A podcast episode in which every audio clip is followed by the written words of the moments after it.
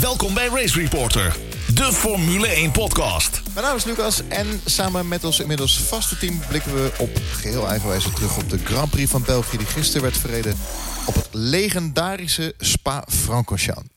Heren, stel jullie nog even kort even voor. Nou, ik ben uh, Charles Jalving, marketingmanager, uh, motorsportavonturier met een uh, passie voor autosportfotografie. Ja, Jeroen Demmendaal, schrijver, communicatie-expert en Formule 1-kijker sinds de vroege jaren 90. En ik ben uh, Jeroen Scholten, F1-watcher sinds de jaren 80. Voordat we beginnen met het verslag van de Grand Prix van België, eerst aandacht voor de Formule 2 race op zaterdag. Tijdens die wedstrijd vond een, een horror crash plaats, waarbij Fransman Antoine Hubert helaas om het leven kwam. Slechts 22 jaar oud. Charles, jij was afgelopen weekend uh, op Spa en je stond echt heel dichtbij uh, waar het ongeluk gebeurde. Ja. Vertel. Ja, dit is voor mij voor de uh, motorsport wel een van de meest bizarre dingen die ik ooit heb meegemaakt. En ik heb, ik heb al wat crashes gezien en ook op tv. Uh, maar om dit van zo dichtbij zo aan te zien komen. Eerst die crash van Hubert uh, bovenaan bij Radion in de muur. En vervolgens zie ik inderdaad Korea zie ik aankomen op vol gas. En die er gewoon vol in de zijkant inklapt. Um, ja, dan valt iedereen wel even stil. En dan denk je, wat gebeurt hier? En dat geluid van het carbon en, en de, de, staal van de motoren en weet ik het wat, alles wat er in de, in de ronde vliegt. Ja, dat zijn wel dingen die je niet zo snel vergeet. Nou, op dat moment uh, renden we ook meteen inderdaad naar de plek waar eigenlijk ja, het wrak tot stilstand kwam. Ik stond eigenlijk direct aan het hek waar hij inderdaad tot stilstand was gekomen. Ja, wat je dan ziet, ja, dan weet je genoeg. Het was ook mensen die meteen zeiden, jongens, kinderen weg. Ja, het valt gewoon stil. Kinderen weghouden en je staat daar te kijken en je weet gewoon, dit, dit gaat niet goed aflopen. Maar goed, dan komen alle hulpdiensten erbij. Uh, dan zie je inderdaad verderop nog een auto ondersteboven liggen. Ja, je ziet de marshals die komen aanlopen, die, die kijken in de cockpit. Nou ja, die weten volgens mij ook direct genoeg. Um, uiteindelijk heeft het nog een tijdje geduurd voordat hij de auto uitgehaald is. Hebben ze volgens mij Korea Alves hebben ze voorrang gegeven om natuurlijk naar het medisch centrum te gaan. Met de helikopter naar het, naar het ziekenhuis. En uiteindelijk is uh, uh, Antoine Hubert officieel doodverklaard um, op het circuit in het medische centrum. Um, ja, daar word je wel even stil van op dat moment. En wij dus ook nu. Ja, en weet je wat het is? Ik heb al aardig wat jaren uh, her en der op de circuits... Uh, in de, ben ik in de Formule 2 paddock geweest. De voormalig GP3 paddock ook. Ja, en dan zie je daar de jongens rondlopen. Uh, weet je wel, die jonge, leuke gasten die gewoon met hun passie daar bezig zijn. De familie die eromheen loopt, vrienden. Uh, het, is, hoe cliché is het ook zeggen, het is echt een motorsportfamilie. En dit is eigenlijk het eerste jaar dat ik echt aan het circuit stond. Ja, je weet gewoon wat een klap dit geeft voor de organisatie, voor de mensen, de, voor de teams. Ja, dat, dat is iets. Uh, ja, ik, ik, krijg nog een brok van in mijn keel als ik het, uh, als ik het vertel. Er is een discussie ontstaan op social media over het delen van de beelden van, van deze crash. Um, ja, volgens mij hebben we er allemaal een beetje aparte verschillende meningen over. Jeroen Demmendaal, je hebt nogal een. Uh, je, hebt je hebt daar heel erg op gereageerd de afgelopen. Ja, ik ga verder niemand bij naam noemen. Uh, want iedereen die het gedaan heeft, die weten van zichzelf dat ze het gedaan hebben. Um, ik heb het altijd een, um, een hele vervelende sensatiezucht gevonden. Um, om op sociale media delen van zo gruwelijk mogelijke beelden. Om dan maar kliks en likes te krijgen. Um, dat doorsnee fans doen is erg genoeg. Um, maar goed, je kunt misschien argumenteren, die weten niet beter. Maar ik heb ook professionele journalisten, voormalig Formule 1-coureurs, het gisteren zien doen. Uh, en ik kan daar met mijn hoofd niet bij. Um, ik, zou dat, ik zou dat zelf niet willen als het mijn familielid zou zijn die uh, daar ligt te sterven en ligt te, te vechten voor zijn leven. toon wat respect, zou ik zeggen.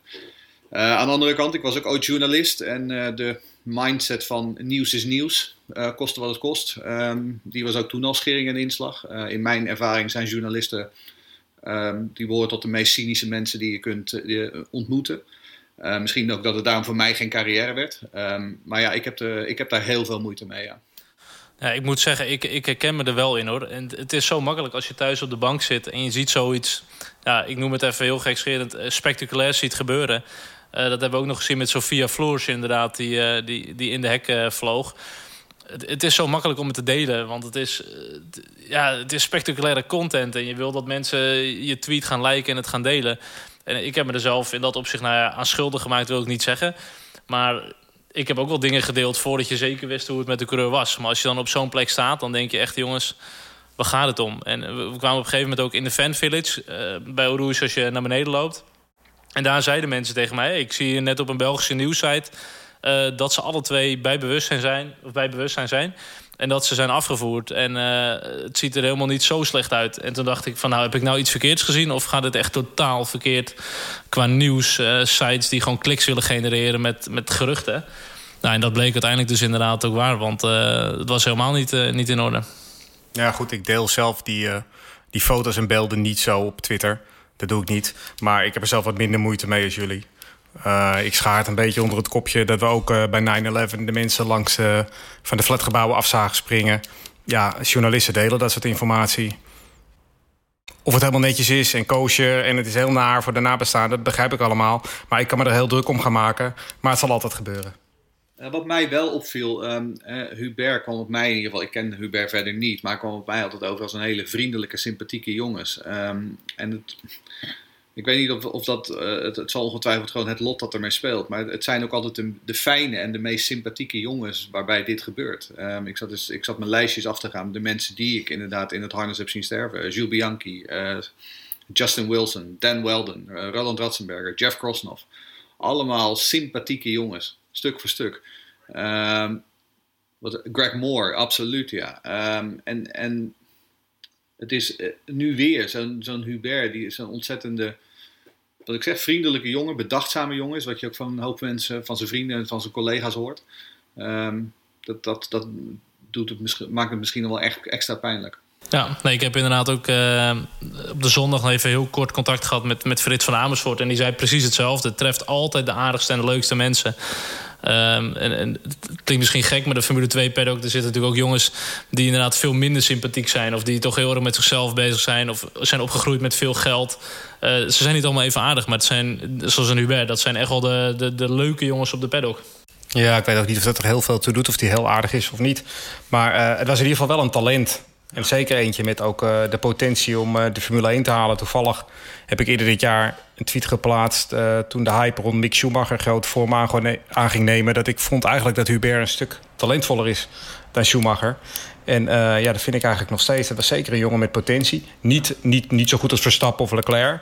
maar had zeker de potentie om een langdurige carrière in de Formule 1 te krijgen. Ja, en zowel Schumacher als Hubert waren rookies dit jaar in de Formule 2. En ik vond dat Hubert het beter deed dan Schumacher. Uh, Hubert was stabieler, Hubert um, was, was constanter. Um, en wat jij zegt, ik denk dat Hubert dichter bij de Formule 1 zat dan Mick Schumacher op dit moment. Hij was wel een paar jaar ouder. Hij was 22 en Mick is volgens mij 19 of 20. Nee, maar goed, als je ziet dat hij in een Arden, die, die echt niet als een van de beste teams uh, is gekwalificeerd, dat hij de enige is die alle punten heeft verzameld. En als je ziet hoe Tatjana Calderon erin uh, in, in rijdt, ja, dan uh, heb je dat echt niet slecht gedaan hoor. Overigens, Tatjana Calderon, hè, ik bedoel, die zat een week geleden nog met uh, Korea in een, in een Sauber, waar ze samen aan het testen. Um, en die raakt gewoon binnen een week. Hè, de, de ene collega zeg maar, ligt zwaar gewond in het ziekenhuis en de andere die is er niet meer. Ik bedoel, die heeft ook een zware week wat dat betreft. Nou, laten we dat moment ook wel even nemen om inderdaad Korea nog even kort aan te halen.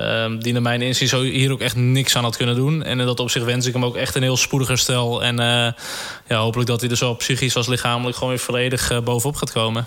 We hebben een vraag gekregen van Jean-Paul Peek. Die vroeg, zijn Formule 1-wagens veiliger dan Formule 2-wagens? Nou, ze zijn niet specifiek veiliger, maar ze zitten wel op hetzelfde niveau. Ze hebben, ik heb het toevallig even nagekeken, maar ze maken gebruik van exact dezelfde crashtest van de FIA die de Formule 1 ook heeft.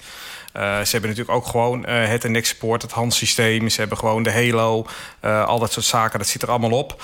Ehm, dus het is zeker niet onveiliger. ze zijn wel iets kleiner, dus misschien iets minder kreukelzone. Maar ze hebben ook iets minder snelheid. Dus dat is, uiteindelijk is het even veilig. Ehm, ze rijden ook nog eens over dezelfde squeeze. En ja, dat is het enige puntje waar, je dan, waar ik dan uh, iets van vond... is dat daar toch wel uh, misschien beter gravel had kunnen liggen. Uh, en dat is natuurlijk heel makkelijk om dat achteraf te zeggen. Maar je ziet Korea nauwelijks vaart minderen over de asfalt runoff die daar zit. En je ziet ook Hubert een stukje terugstuiteren op de baan... Ik vraag me af of dat met gravel was gebeurd. En natuurlijk weet ik, in gravel kunnen auto's makkelijker op de kop belanden. Maar met de halo erbij is dat een stuk veiliger geworden om over de kop te gaan. En ik denk dat afremmen in een, in een bijna blinde hoge snelheidsbocht als Eau Rouge veel belangrijker is dan de kans dat iemand over de kop gaat met een halo. dus ik denk. Lag ooit grind, hè, daar. Uh, er lag ooit grind. En ik heb wel trouwens begrepen uit een, een, tweet die ik toevallig vandaag zag... dat uh, de, de, de grote baas van Spa uh, ook al gezegd had... dat daar ook weer grind komt te liggen. En dat was al de bedoeling. Dat zou al de bedoeling zijn geweest uh, voor dit ongeluk. Ja, een idee waar ik zelf aan zat te denken is... nu kwam je natuurlijk in de banden. En als iets weer terugveert, dan zijn het wel banden... die hem eigenlijk gewoon weer terug uh, ja, de uitloop... Uh, gedeelte op, opwerpt, zeg maar. Ik weet niet in hoeverre dat is met bijvoorbeeld Tech Pro Barriers... die in, in Amerika voor mij onder andere heel veel worden gebruikt... en op heel veel andere nieuwe circuits... Uh, die veel meer de kracht absorberen... in plaats van hem eigenlijk weer terugkaatsen. Dat zou wellicht ook wel een, uh, een goede optie kunnen zijn. Ik weet wel dat de beroemde klapper van Jacques Villeneuve destijds... Uh, als je die terugkijkt, die, die, die eindigt uh, ergens in de banden, zeg maar. En uh, in de, daar lag er nog gravel. En die stuitte totaal niet terug op de baan. Maar Ricardo Zonta wel. Die stuitte er wel terug op de baan. Uh, Rouge is, Rouge is wat dat betreft ook een lastige bocht. Hè, omdat de snelheid zo ontzettend hoog ligt. Um, maar er was geloof ik een discussie eerder vandaag. Ik, ik zag in ieder geval ergens op Twitter het voorbij komen. Mark Suré, die het ook over die, uh, wat jij noemt, die risicofactor. Zeg maar. Als je weet dat er asfalt ligt, dan ben je minder geneigd om van je gas af te gaan. En misschien juist in een blinde bocht als Eau Rouge is dat iets waarbij inderdaad de grindbakken weer terug moeten komen. Wat je zegt, de, nu zijn er inderdaad plannen om dat ook weer terug te brengen. Of misschien uh, wat ze dan het enige goede van Paul Ricard wat ze hebben is inderdaad dat soort van schuurpapier wat jou al heel erg afremt, zeg maar. Dat je een soort van middenweg vindt. En ik las toevallig vandaag op Twitter inderdaad dat sommige mensen zeiden... misschien moet de, knik zeg maar, bij Oroes wat scherper gaan worden... waardoor ze wel vaart moeten minderen. Maar goed, voor mij zeiden we in de voorbeschouwing nog dat Oroes... Uh, van het is geen gevaarlijke bocht meer. Um, als in, je kan er gewoon vol gas doorheen. Maar als ze dan misgaat, ja, dan is het natuurlijk een hele dodelijke combinatie. Ja, vooral in combinatie met een, met een startend veld zoals je nu hebt... dat het heel dicht op elkaar zit. Het is gewoon vaak zo dat er eerst moet er iets misgaan... voordat ze het gaan onderzoeken. En... Uh, Laten we kijken naar het weekend Formule 1 Spa-Francorchamps. Update specs voor motoren Mercedes, Ferrari, Honda, Renault. Geen succes. Een uh, flinke plof bij Williams hebben we gezien. Ja, ik vind het nog een beetje lastig oordelen uh, na één race. Ik denk dat je in Monza meer duidelijkheid gaat krijgen met welke motor daadwerkelijk uh, vooruit gegaan is. Um, maar aan de andere kant, voor deze wedstrijd, in ieder geval voor de onderlinge verhoudingen, leek het weinig verschil te maken. Um, ik had nu het idee dat er nou één um, team was dat echt heel veel extra uh, gewonnen had qua tempo. Maar hoezo was Hon geen, uh, Honda geen succes dan? Nou, ik, vind het lastig te, ik vind het nog steeds lastig te oordelen. Ik vond het een redelijk, uh, het was een redelijk drukke en, en een beetje ehm, een race waarin, waarin van alles en nog wat gebeurde. Dus ik weet niet of je nou direct kunt beoordelen wie, wie er echt een voordeel heeft gehad van, uh, van, van die betere Honda-motor. Want we kunnen nou Max en Albon niet met elkaar vergelijken. Um, en Gasly en Kwiat zaten ook gewoon dicht bij elkaar. Totdat uh, uh, Gasly in de laatste bocht uh, in de laatste ronde er even vanaf stuiterde. Dus ik zie het verschil nog niet zo. Nou, de geplofte motor bij Alfa Romeo was geen goed voorteken voor Ferrari. Nee, dat is waar. Maar... En de Williams? Ook, inderdaad. Voor Mercedes dan. En uh, Norris was een Renault-probleem, toch? Uiteindelijk ja, heb ik ja, vermogen, dus dat, uh, dat is volgens mij wel te ja. verwijten aan uh, Renault inderdaad, ja. Ja, bij Sainz idem dito, hè. Uh, dat was ook een motorprobleem. Het schijnt dat uh, Seidel nu ook om uh, ophelding heeft gevraagd aan Renault. Ja, ik vond het bijna wel een beetje sneu. Dat, dat, dat McLaren er best wel een zaakjes goed voor elkaar op dit moment. het chassis lijkt het erg goed te doen. Ze scoren voor mij het dubbele aantal punten van, van Renault op dit moment. Maar ja, je weet gewoon vroeg of laat ben je gewoon de sjaak met die motor achterin. En dat, ja, dat zorgt gewoon voor de nodige problemen. En op dit moment ook gewoon goede kampioenschapspunten. Race Reporter, de Formule 1 podcast. Formule1podcast.nl uh, Goed, Charles, je was uh, dit weekend in Spa-Francorchamps. Um, van Radion naar Pouhon. Vertel even wat over de huidige Formule 1-fans. Want daar kwam op Twitter ook al uh, een hoop hoop berichten over. Ja, kijk, laat, laat ik vooropstellen dat ik denk 98% van de, de, de, sowieso de Formule 1-fans, maar ook de, de Nederlandse Formule 1-fans, dat het echt superleuke, uh, gezellige mensen zijn. En die, uh, sommigen zijn er gewoon nieuw, nieuw met de sport, sommigen zijn vanwege Max inderdaad uh, binnengekomen. Um, uiteindelijk, ik was op Spa met, met mijn maatje Jeroen en zijn vader en ik had mijn broer meegenomen. Uh, we wilden de race even gaan kijken bij Pouhon. Nou, daar heb je een hele mooie uh, rotswand waar je echt een beetje jezelf uh, op kan, kan plaatsen. Ja, daar zaten inderdaad wat fans die zaten er al de hele dag met een mooi plekje. Op een gegeven moment, er moeten toch overal wel wat mensen gaan zitten. Weet je, je wil allemaal een plekje hebben. Maar als je dan ziet hoe die mensen reageren als je daar gaat kijken voor een plekje is, weet je, meteen met de ergste ziektes gaan schelden. dat als je niet aan de kant gaat, dat ze in elkaar gaan rammen en dit en dat. Nou, en dan zit je daar echt niet lekker mee die race te kijken. En op een gegeven moment viel Max in de eerste bocht uit uit. Maar ik zou je zeggen, ik was bijna blij dat Max uitviel. Want ze, ze dropen inderdaad na een aantal rondes dropen ze zelf ook af en zijn ze huiswaarts gekeerd. Ja, en toen pas hebben we echt van de race genoten. Maar dit soort dingen zal je in een Le Mans eh, circuit of perk of wat dan ook nooit zien. Dat zijn echt zulke petrolheads die gunnen het elkaar allemaal nog. Die gaan eerder nog aan de kant zodat je ook mooi kan zitten. Ja, ik moet zeggen, ik hoor ook van de Hitlergroet die mensen hebben gedaan. Maar ik vind het, uh, ik, vind opvallend, want ik, de afgelopen jaren dat ik er geweest ben, heb ik dit echt niet meegemaakt. Dus het lijkt wel alsof, het, alsof dit, dit het eerste jaar was. Nee, ik heb het ook nooit meegemaakt. Hey, weet je, het is, het is 98% wat gewoon uh, eh, super leuk is. Maar er zitten gewoon echt een paar rotte appels bij. En uh, zoals sommigen wel zeggen, dat zijn een beetje de voetbalfans. Uh, nu Nederlands elftal niet, niet op, op hoog niveau mee op toernooi. Ja, ja, bijna wel. Kijk, en, en, wat ik zeg, ik wil echt niet iedereen over één kam scheren. Want de, de meeste zijn zo leuk. Maar ik denk dat we wel met z'n allen erop moeten letten dat dit soort dingen niet standaard gaan worden. Nou, het, zijn ook echt, het zijn ook echt voetbalfans, hè, wat jij zegt. Want het is echt dat voor de een en dus tegen de ander. Dat is, dat is echt bij voetbalfans zo. En dat, dat is hier ook. sterker nog, de meesten hebben ook gewoon een Nederlands elftal shirtje aan. Omdat hij gewoon oranje is. Maar als je dat ziet, weet je, met een Hamilton die, die crasht. Mensen gaan klappen. Ik heb het ook een spa gezien, podium Hamilton. Uh, mensen gaan hem uitfluiten, weet ik, je voel, Ik voel iets aankomen. Een, een nieuw woord dit jaar is de Formule 1 circuitverbod. En dat is dan een Nederlandse fan. Dat zou toch erg zijn? In plaats van een stadionverbod. Ja, maar goed, je ziet het online ook. Sommige Nederlandse fans die zijn zo verdedigend tegenover Max. Nou, dat hebben Lewis Hamilton fans ook regelmatig op Twitter onder andere gehad. Uh, alsof het een soort halfgod is. Ik bedoel, het is gewoon een sporter. Die kan fouten maken, die kan het heel goed doen. En daar moet je lekker van genieten. Maar laat elkaar in, in, in eigen waarde, weet je. Doe gewoon normaal tegen elkaar en, en geniet gewoon. Nee, ja, ja, het Silverstone dit jaar. Ik was er, maar ik zag het dus later ook op tv. Het publiek hoorde je door de microfoon heen. Die, die waren enthousiast over iedere actie tussen Leclerc en uh, Max. Ik heb in Duitsland echt niks meegemaakt. En in de jaren ervoor in Duitsland ook niet. En in Oostenrijk ook niet. Maar uh, zelfs Kimi Räikkönen is lastig gevallen nu, toch? Dat incident heb ik ook, dat, heeft iedereen op Twitter gezien, denk ik. Ja, met een Max Verstappen pet. Of dat Nederlander was, weten we niet. Maar... Volgens mij was het een Belg, wat ik begrepen heb. Maar het was wel eentje met een uh, 33 pet. Ja, maar ik lees al zelfs van Nederlanders die dan een Vettel-pet op hebben... of een Hamilton-shirtje, die dan gewoon door andere mensen worden uitgejoeld... van wat, wat doe jij nou? Waarom heb je dit aan? Dit is een verkeerde kleur. En ik vond het juist altijd zo mooi dat, dat Max net in de Formule 1 kwam... dat je met een Red Bull-pet en een Ferrari-shirt kan lopen. En ik zeg niet dat het veel gebeurt, maar ik zie het toch echt wel regelmatig gebeuren, hoor. En ook uh, mijn maatje Bas van Bodegraaf uh, met, met zijn Facebookgroep. Als je ziet wat die aan het moderaten zijn... aan mensen die zo fel zijn en zo vastzitten aan hun eigen mening. Weet je, het is prima dat je eigen mening hebt... maar laat elkaar in je eigen waarde gewoon. Maar het is ook, ik denk dat het twee aanleidingen heeft. Enerzijds is natuurlijk, hè, de samenleving ontwikkelt zich steeds meer in die, in die richting. Uh, ten tweede denk ik dat we ook in de afgelopen jaren steeds meer van Formule 1-fans naar Max-fans zijn uh, verhuisd. Um, en naarmate de groep Max-fans toeneemt ten koste van de, uh, en een groter deel wordt uh, in de grote groep van Formule 1-fans, denk ik dat je vaker dit soort rotte appels gaat krijgen. Want uh, dat mooie verhaal wat in de, uit de Telegraaf wat gisteren circuleerde. Ik bedoel, dat zijn geen Formule 1-fans. Dat zijn Max Verstappen-fans. En die gaan dus na ronde 1 gewoon naar huis. Omdat ze helemaal geen fan zijn van de sport maar alleen maar uh, met, een, met een vlag in een, uh, in, een, in een hoofd rondlopen. Ja, ik vind het niet erg als je fan van iemand bent en je denkt daarna, weet je wat, ik ga lekker naar huis voor de files uit. Kijk, ook nieuwe fans uh, zijn gewoon welkom en die zijn ook super aardig. En voor mij is er geen onderscheid tussen of je Formule 1 fan bent al heel lang of dat je net Max Verstappen fan bent. Maar ik zeg je, doe gewoon even normaal en weet je wat, denk met elkaar mee en geniet gewoon. Dat is zoveel leuker. Goed, we hadden een luisteraarsvraag van Joost. Moeten de mensen in Zandvoort vrezen voor plunderingen als Verstappen daar ook vroeg uitvalt? Ja, kijk, dat, ja, aparte vraag. dat vind ik wel heel kort door de bocht... om even in uh, Spa-Francorchat-termen te praten. met Max.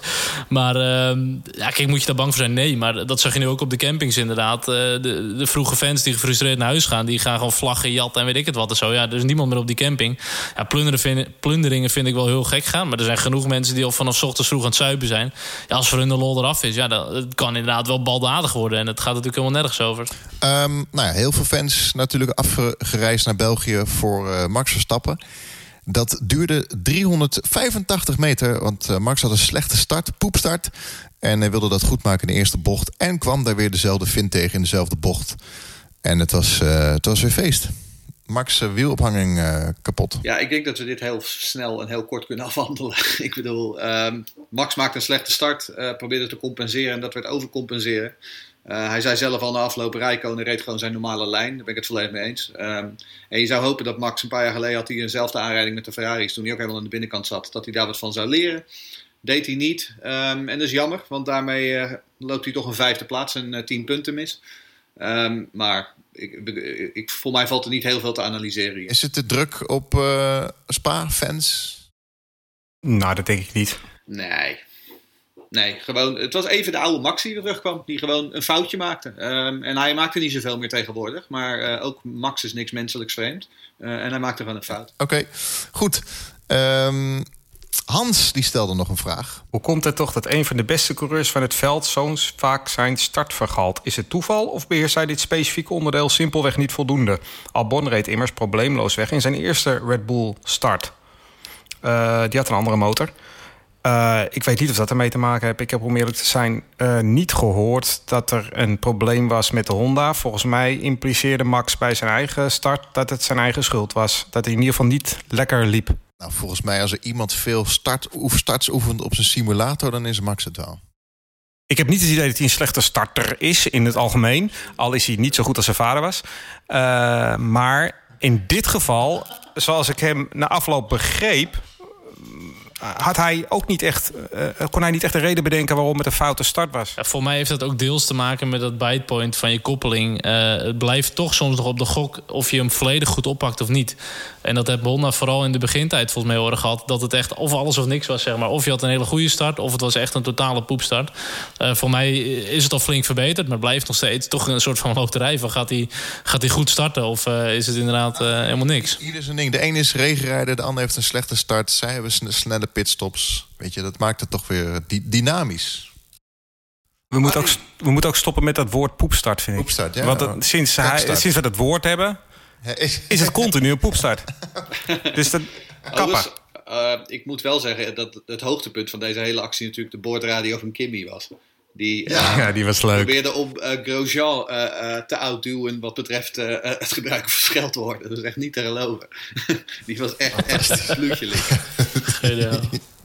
Harry de Groot heeft ook nog een vraag gesteld. Um, ja, die vroeg naar aanleiding van dit incident: zou het voor de fans niet leuker zijn om de T-car weer in te voeren? Ja. Na zo'n eerste ronde crash zouden dan Verstappen, Sainz, Rijkonen weer met een goede auto mee kunnen doen. Um, en voor de wat jongere luisteraars, de T-car, dat was vroeger een reserveauto die een team had. Um, en die werd uh, meestal bij Tourbird voor een van de twee coureurs uh, afgesteld. Um, en nou, dat, was een, dat was dan een reserveauto die beschikbaar was. Het punt is alleen dat in dit geval, um, uh, dit had, had een T-car geen verschil gemaakt. Want de T-car werd uh, meestal alleen ingezet als er een rode vlag was uh, tijdens een race. En dan kon een coureur inderdaad de race herstarten in een T-car. Um, in een geval als gisteren zou gewoon gelden, over is over. Je ligt er gewoon uit. Oké, nou on ondanks natuurlijk het verdriet van het uh, overlijden van Hubert hebben we natuurlijk uh, wel een hele mooie winnaar gehad. Ik vond het heel mooi om te zien aan het einde van de race hoe die ermee omging. Zo van ja, het is uh, iets wat ik jarenlang voor gedroomd heb, maar toch wel een beetje, ja, het is gewoon ook wel een heel verdrietig moment. Charles Leclerc wint. De nieuwe kopman bij Ferrari is geboren. Dat denk ik wel, ja. Maar dat denk ik al heel wat weken eigenlijk en heel wat maanden eigenlijk. ja. En eigenlijk doet hij het veel beter nog dan verwacht. Want ik had eigenlijk voor dit seizoen gedacht dat hij echt nog zou moeten wennen. Maar met drie positions een zegen en eigenlijk een tweede zege in Bahrein... doet hij het gewoon veel en veel beter dan Vettel. En uh, deze jongen is, is inderdaad al de nieuwe kopman. En uh, sterker nog, uh, Ferrari ziet het blijkbaar ook. Want Vettel die moest toch echt een alternatieve strategie ondergaan. Ja, hij, is nog steeds wel een beetje grillig. Maar dat mag ook in je eerste seizoen bij een topteam, vind ik. maar er zit zoveel potentie in Charles Leclerc. En wat jij zegt, ik bedoel... Ik denk dat de wedstrijd van gisteren gewoon een nieuwe aanwijzing was... voor Vettels tanende rol binnen Ferrari. werd gewoon keihard geslachtofferd om de zegen van Leclerc veilig te stellen. schikte zich daarnaar. Um, en ja, weet je, Leclerc was het hele weekend sneller. Vettel had gewoon het tempo niet. Um, en uiteindelijk Leclerc is de toekomst van Ferrari, niet Vettel. Um, en voor Monza is Leclerc weer mijn favoriet voor de overwinning. Ja, ja 100%. En Max Verstappen is, uh, is niet meer de once-in-a-lifetime uh, talent.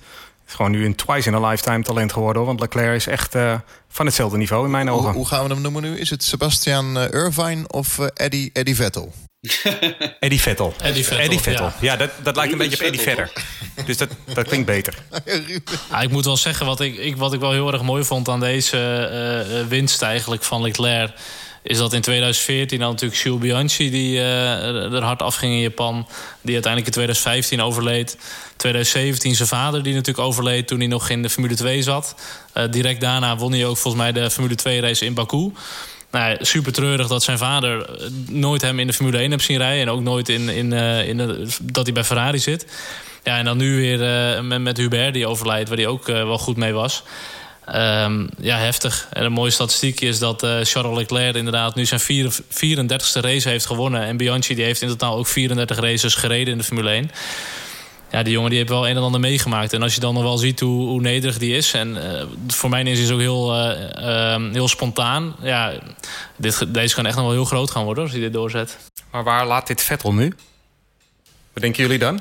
Nou, ik denk dat Vettel gewoon. ehm, ik, ik, hoorde, ik las iemand ergens eh, die suggereerde dat Vettel een soort Regazzoni gaat worden. Een soort eh, oude, oude heer eh, die in Ferrari, nu nog een aantal jaar bij Ferrari eh, als supporter is van een jongere coureur. Nou, dat zie ik wel.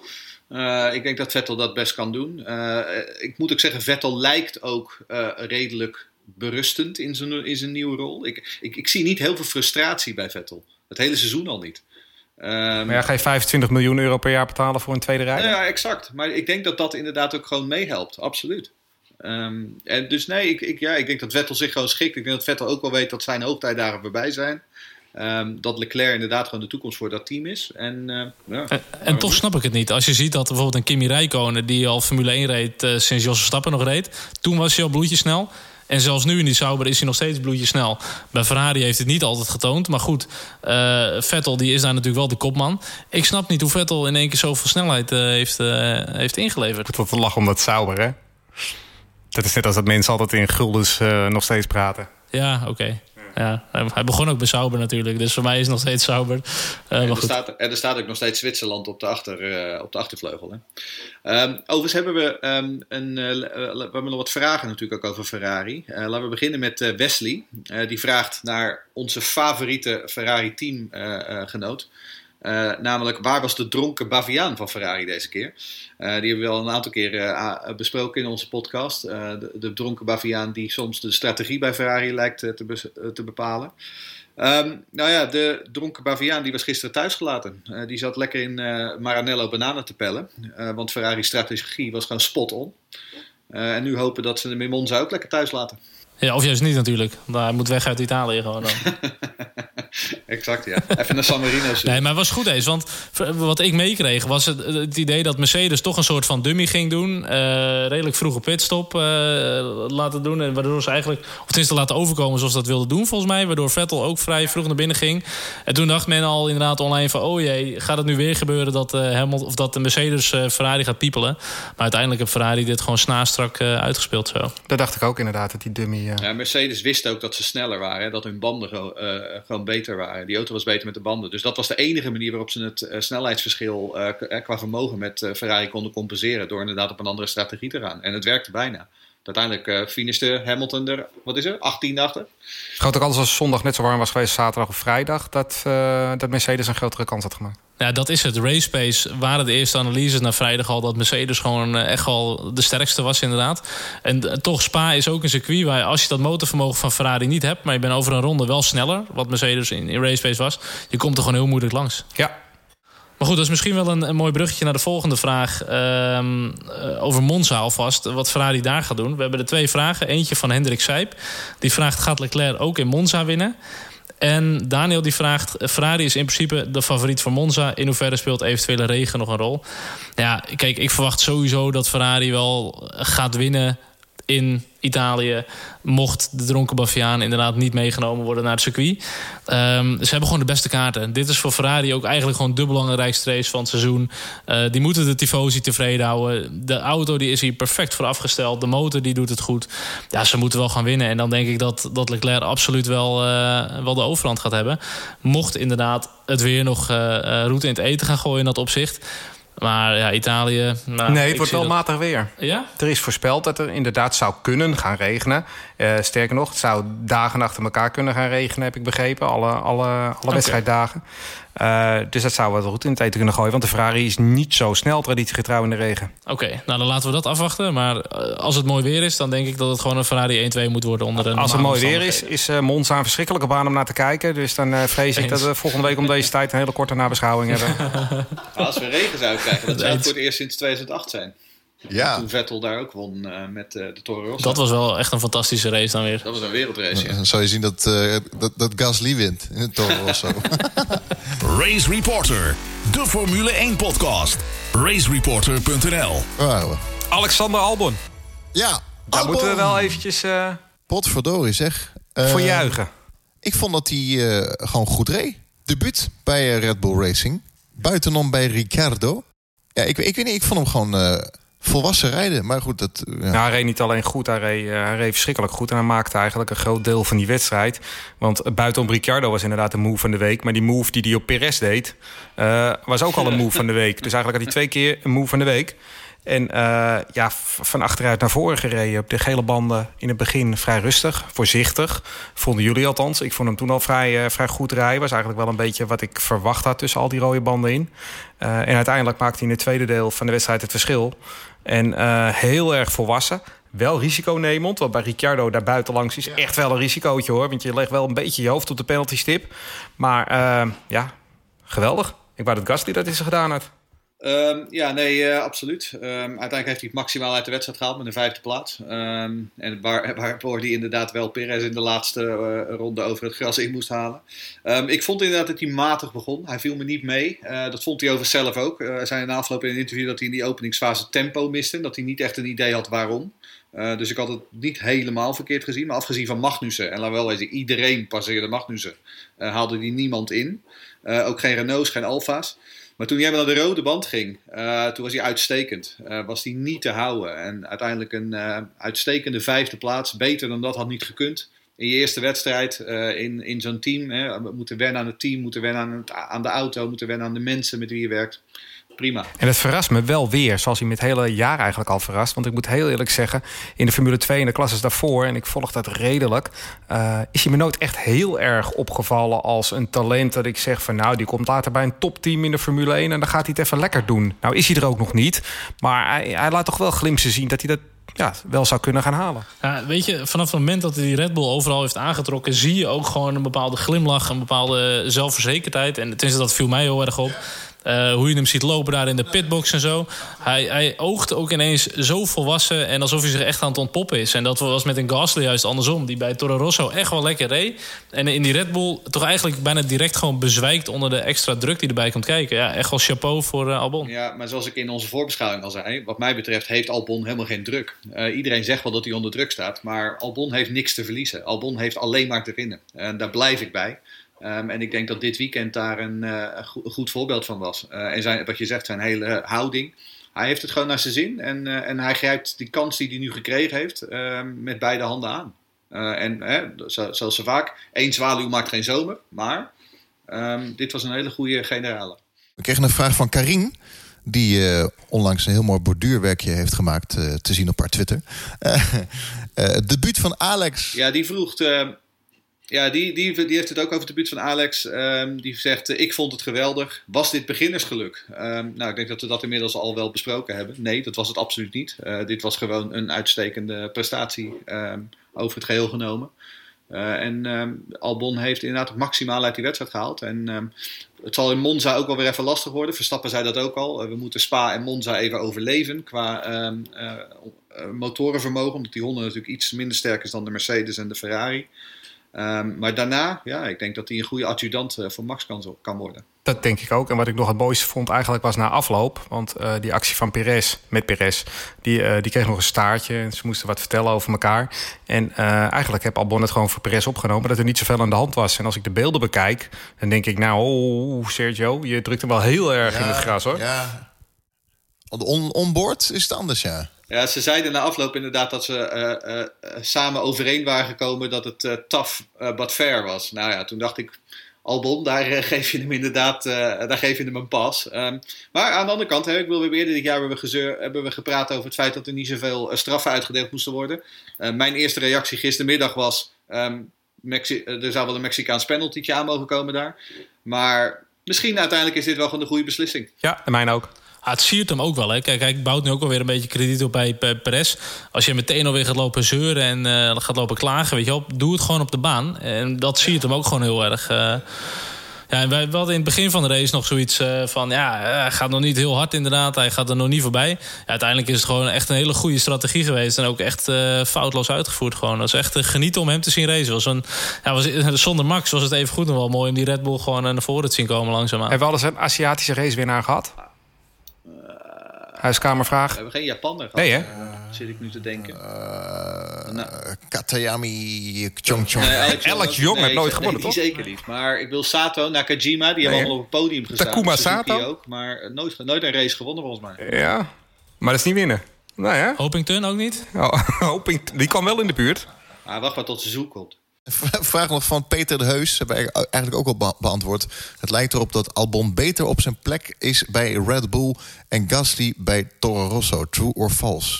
Ja, net inderdaad al deels beantwoord. Uh, maar ik denk ook een Gasly bij Toro Rosso. Uh, het is niet het einde als je terug gaat naar Toro Rosso. En uh, Albon is natuurlijk ook ooit al uit het opleidingsprogramma gegooid van Red Bull. Die is weer teruggekomen.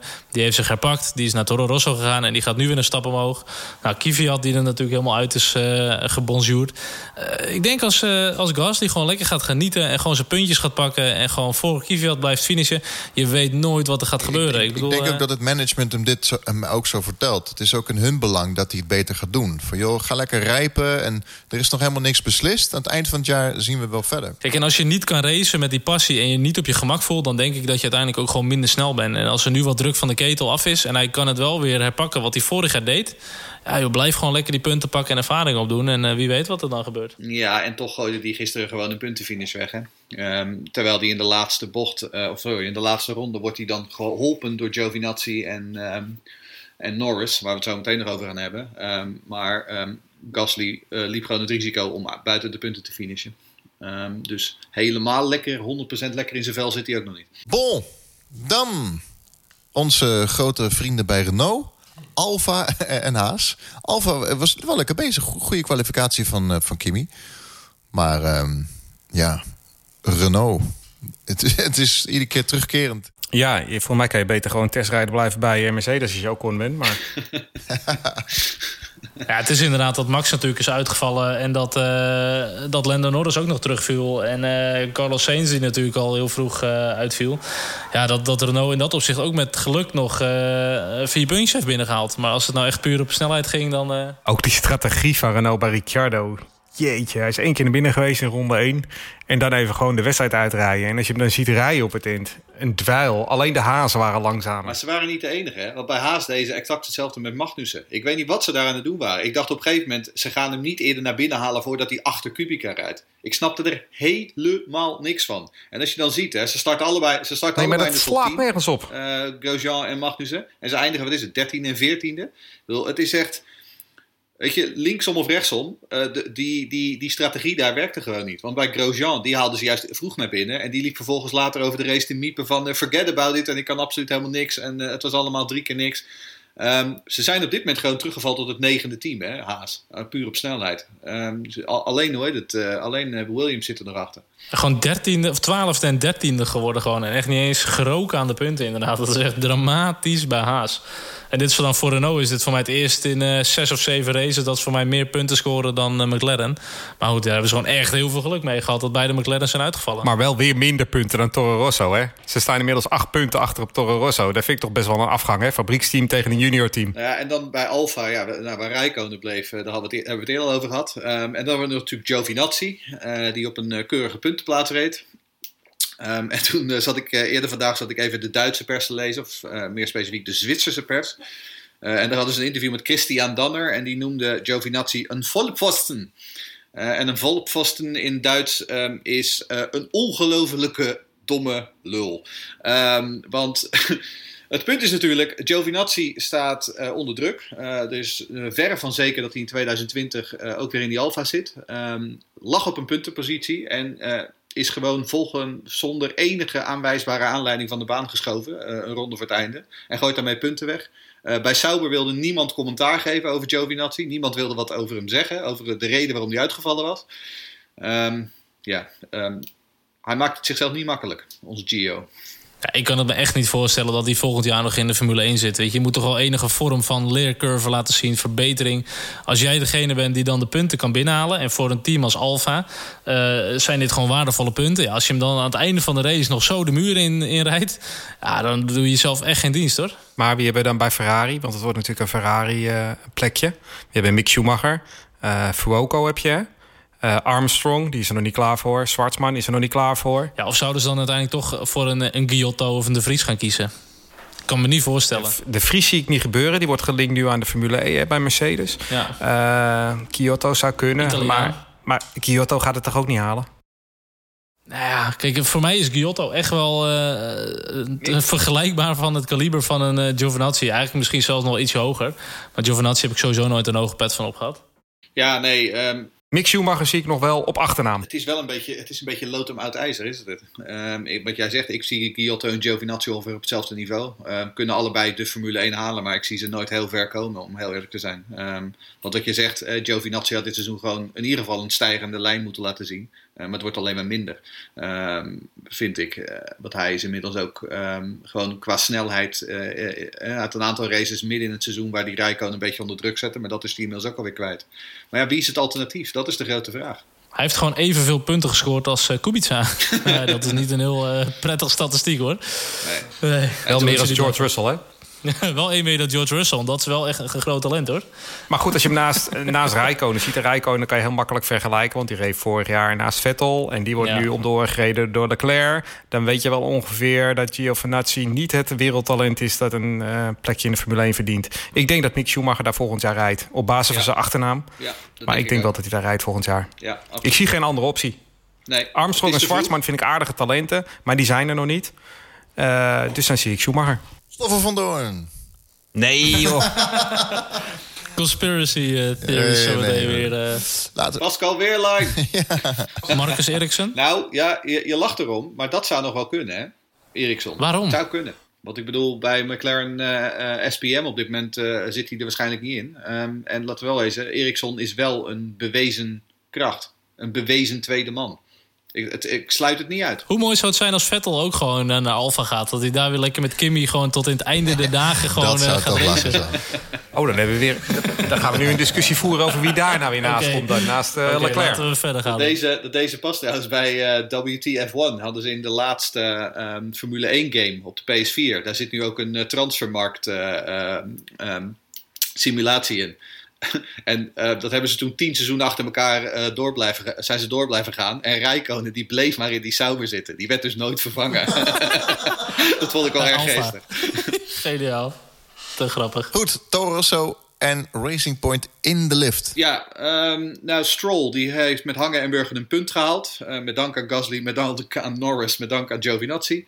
Um, aan de andere kant, Perez liet hem weer alle hoeken van de baan zien. Um, en die staat nu ook gewoon weer voor Stroll in het kampioenschap. Dus wat dat betreft is de orde hersteld. Um, maar wat dat betreft, Force uh, India slash Racing Point uh, maakte optimaal gebruik van die Mercedes motor. Waar Alfa dat niet deed met de Ferrari motor. Ja, en dan uh, Toro Rosso hadden we het al een beetje over. Um, maar ik vond dat Kwiat maximaal scoorde in deze wedstrijd met de zevende plek. Ja, kijk, Toro Rosso die kan nu ook gewoon de vruchten plukken van wat ze vorig jaar hebben gedaan. Dat is als eerste team die, die Honda-motor erin gooien. Uh, weet je wel, uh, opofferen, nieuwe motoren doorontwikkelen. En ze hebben nu echt wel gewoon een, een voor een, voor een middenmootteam... hebben ze gewoon een solide rijdersduo. De motor die begint goed te worden. Uh, ja, het ziet er helemaal niet zo slecht uit voor Toro Rosso. En ja, die moeten gewoon, Renault moet ze gewoon makkelijk voor kunnen blijven. McLaren zat er lekker bij. Norris lag vijfde op een gegeven moment. Ja, die frustratie ook dat hij inderdaad in... wat was de ene laatste ronde was het voor hem nog dat hij inderdaad uh, motorvermogen verloren. En dan die boordradio. Ja, dat is echt al uh, schrijnend op te zien hoor. Als je zo hard hebt gewerkt. Oh, en dan, weet je wel, Sainz die er al uit ligt. En dan denk je, joh, mooi. Kan je mooi even 10 puntjes gaan pakken op je teamgenoot. 10 punten binnenhalen voor het team. En om hem dan zo te moeten parkeren op de finishlijn. Ah, Ja, want op een gegeven moment lag hij vijfde. Hij lag gewoon de hele wedstrijd vijfde. Eh, hij was gewoon, en hij was echt gewoon een stuk sneller dan de rest. Wat mij betreft was Norris eigenlijk de, de man van de wedstrijd. Eh, mis- misschien nog wel meer dan Albon. Ja, dat zag ik ook. Ah, Ja, dat was ook driver of the day. Ik bedoel, kijk, niemand gaat dit over, eh, weet ik veel, hoeveel jaar eh, eh, eh, vooruit gaat dit nog herinneren. Dat hij, eh, want de statistieken zullen het niet vermelden dat hij een hele wedstrijd op de vijfde plek lag. Maar hij rijdt natuurlijk gewoon een wereldwedstrijd. Eh, en die jongen laat wel een stijgende lijn zien. In, in tegenstelling tot een Giovinazzi. Hij wordt gewoon steeds beter. Geen hele wedstrijd hè, op de vijfde plek. Ja, en de laatste ronde niet natuurlijk. Maar goed, Maar weet je, het is, kijk, McLaren heeft op dit moment eigenlijk al zo'n gat getrokken naar eh Toro Rosso en naar René, of naar, eh, naar Renault.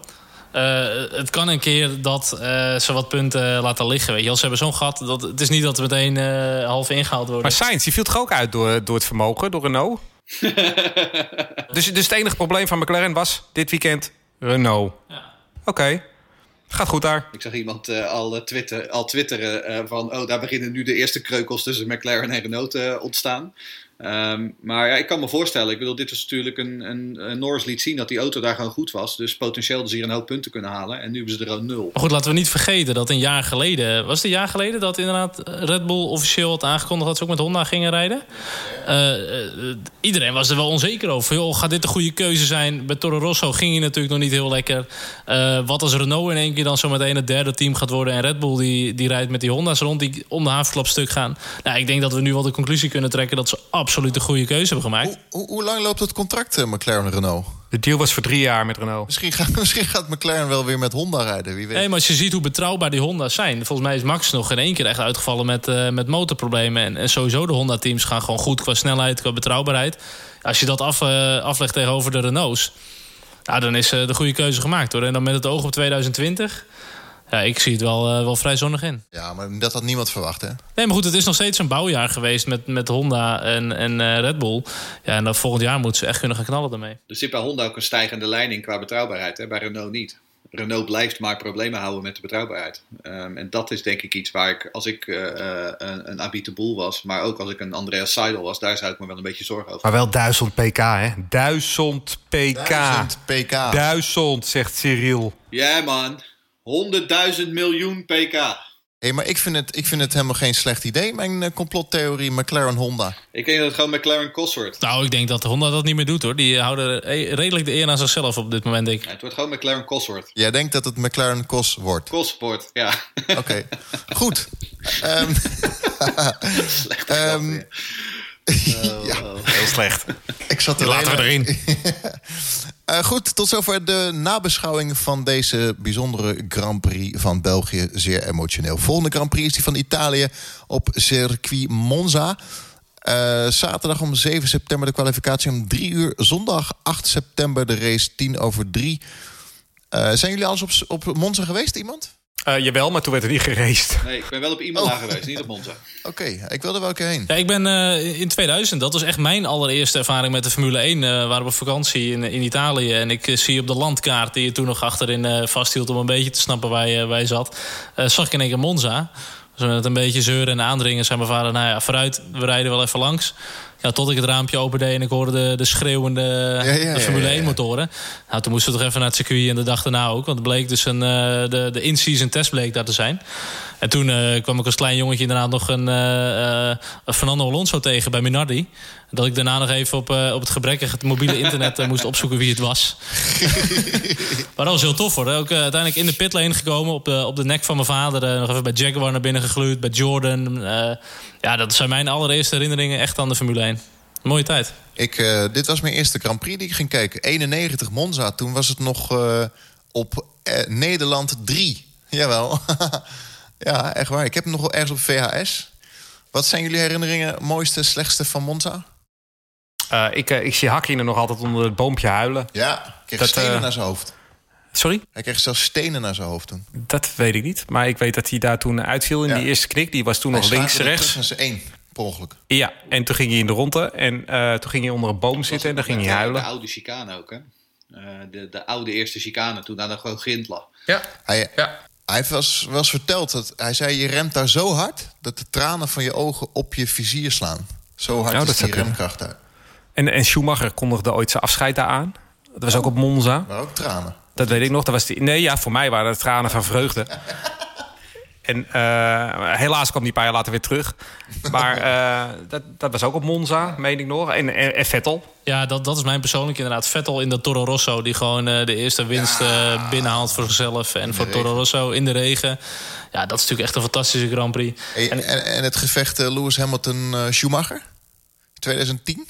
Ja, weet ik ook nog wel. Dat was een mooie. Ja, en dat podium is ook zo vet daar. Ik ben er in, eh, ik ben er in 2016 nog een keer geweest. eh, en, en als je die tifosi daar ziet, jongen, die klaar staat na de, na de finish om het circuit op te gaan met die vlag en alles. En dat, dat podium die zo mooi daarboven hangt, dat is echt eh, een mooi plaatje Ja, ik kan me ook nog herinneren, dit was de eerste Grand Prix na de aanslagen van eh, 11 september. Toen Ferrari met die zwarte neus reed. Kan jullie dat nog herinneren? Dat, kan, dat staat Klopt, me, om ja. de een andere Ja. reden staat dat Ja. beeld me nog heel scherp Ja. op, Ja. Weet ik nog. op Ja. het netvlies.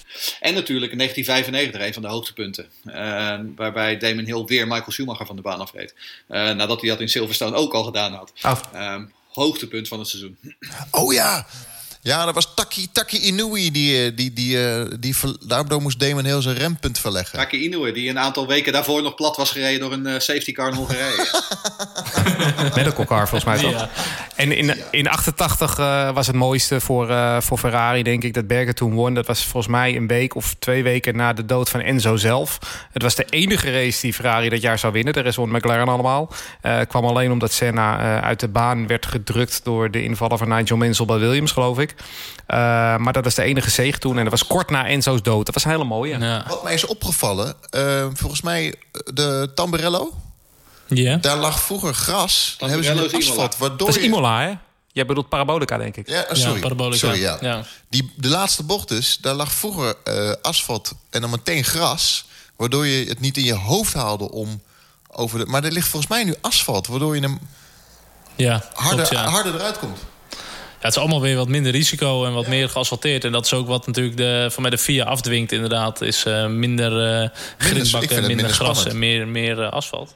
En- Jochen Rindt, hè, 1970, verongelukte hij daar. Ook in de Parabolica. De enige postume wereldkampioen. Ja, dat was toch ook wel een beetje een grote mannenbocht hoor, parabolica. Om daar eh, gewoon vol, nou niet vol gas, maar zo vroeg Ja. mogelijk op je gas te gaan. En, eh, Ja, maar het is een beetje... het is nu niet meer zo moeilijk volgens mij. Sowieso natuurlijk een baan hè, waar een aantal grote namen... eh Ronnie Patterson, die ging daar ook eh, naar de Ja. zaal 7. Zaal 7. Maar goed, moeten we dan eh, meteen alvast even onze voorspellingen gaan doen? Ja, eh, goed idee. Monza? Voorspellingen Monza Zal ik eh, meteen beginnen dan? en plek 10. Ik, eh, ga, ik, ik denk dat ik hem een beetje vrij saai ga doen. Eh, ik hoop eigenlijk dat Vettel hem dit keer gewoon gaat winnen. Eh, Vettel 1, Leclerc 2, Hamilton 3. Eh, P10 ga ik voor Ricciardo. Ehm, ja, Leclerc gaat hem winnen. Eh, Vettel wordt deze keer tweede, omdat die Ferrari hier nog net iets beter gaat dan op Spa. Eh, en Hamilton wordt derde. Eh, en Kevin Magnussen, eh, die krijgt de tiende plek van mij. Eh, Charles Leclerc gaat zeker winnen. Makkelijk, grote voorsprong. Eh, Vettel wordt tweede, want hij is niet te verslaan daar. En eh, Hamilton zal daar derde worden. En voor Max wordt het niet veel meer dan P5. En eh, Pierre Gasly wordt P10. Leclerc 1, Vettel 2, Bottas 3 en Albon 10. Het zijn niet, niet heel verrassende voorspellingen. Dus ik hoop dat het gaat regenen gewoon. Alles door elkaar gewoon. Laat het gaan regenen. Ik inderdaad. zat nog heel even te denken om George Russell in te vullen als, als tiende. Maar toen eh, zat ik de topsnelheden op Spa te checken. Want ik denk, ja, ze hebben toch een Mercedes motor. Ehm, nee, dat wordt hem niet. Dank voor het luisteren. Volg ons op Facebook, Instagram, Twitter. eh, voor onder andere de Formule 1 Minuut. Like, share, doneer en reageer. Eh, kijk op onze website racereporter.nl. Heren, hartstikke bedankt voor jullie eh, medewerking. Thanks. Ja, uiteraard, graag gedaan. Graag gedaan. Hoi hoi. Goed, tot ziens.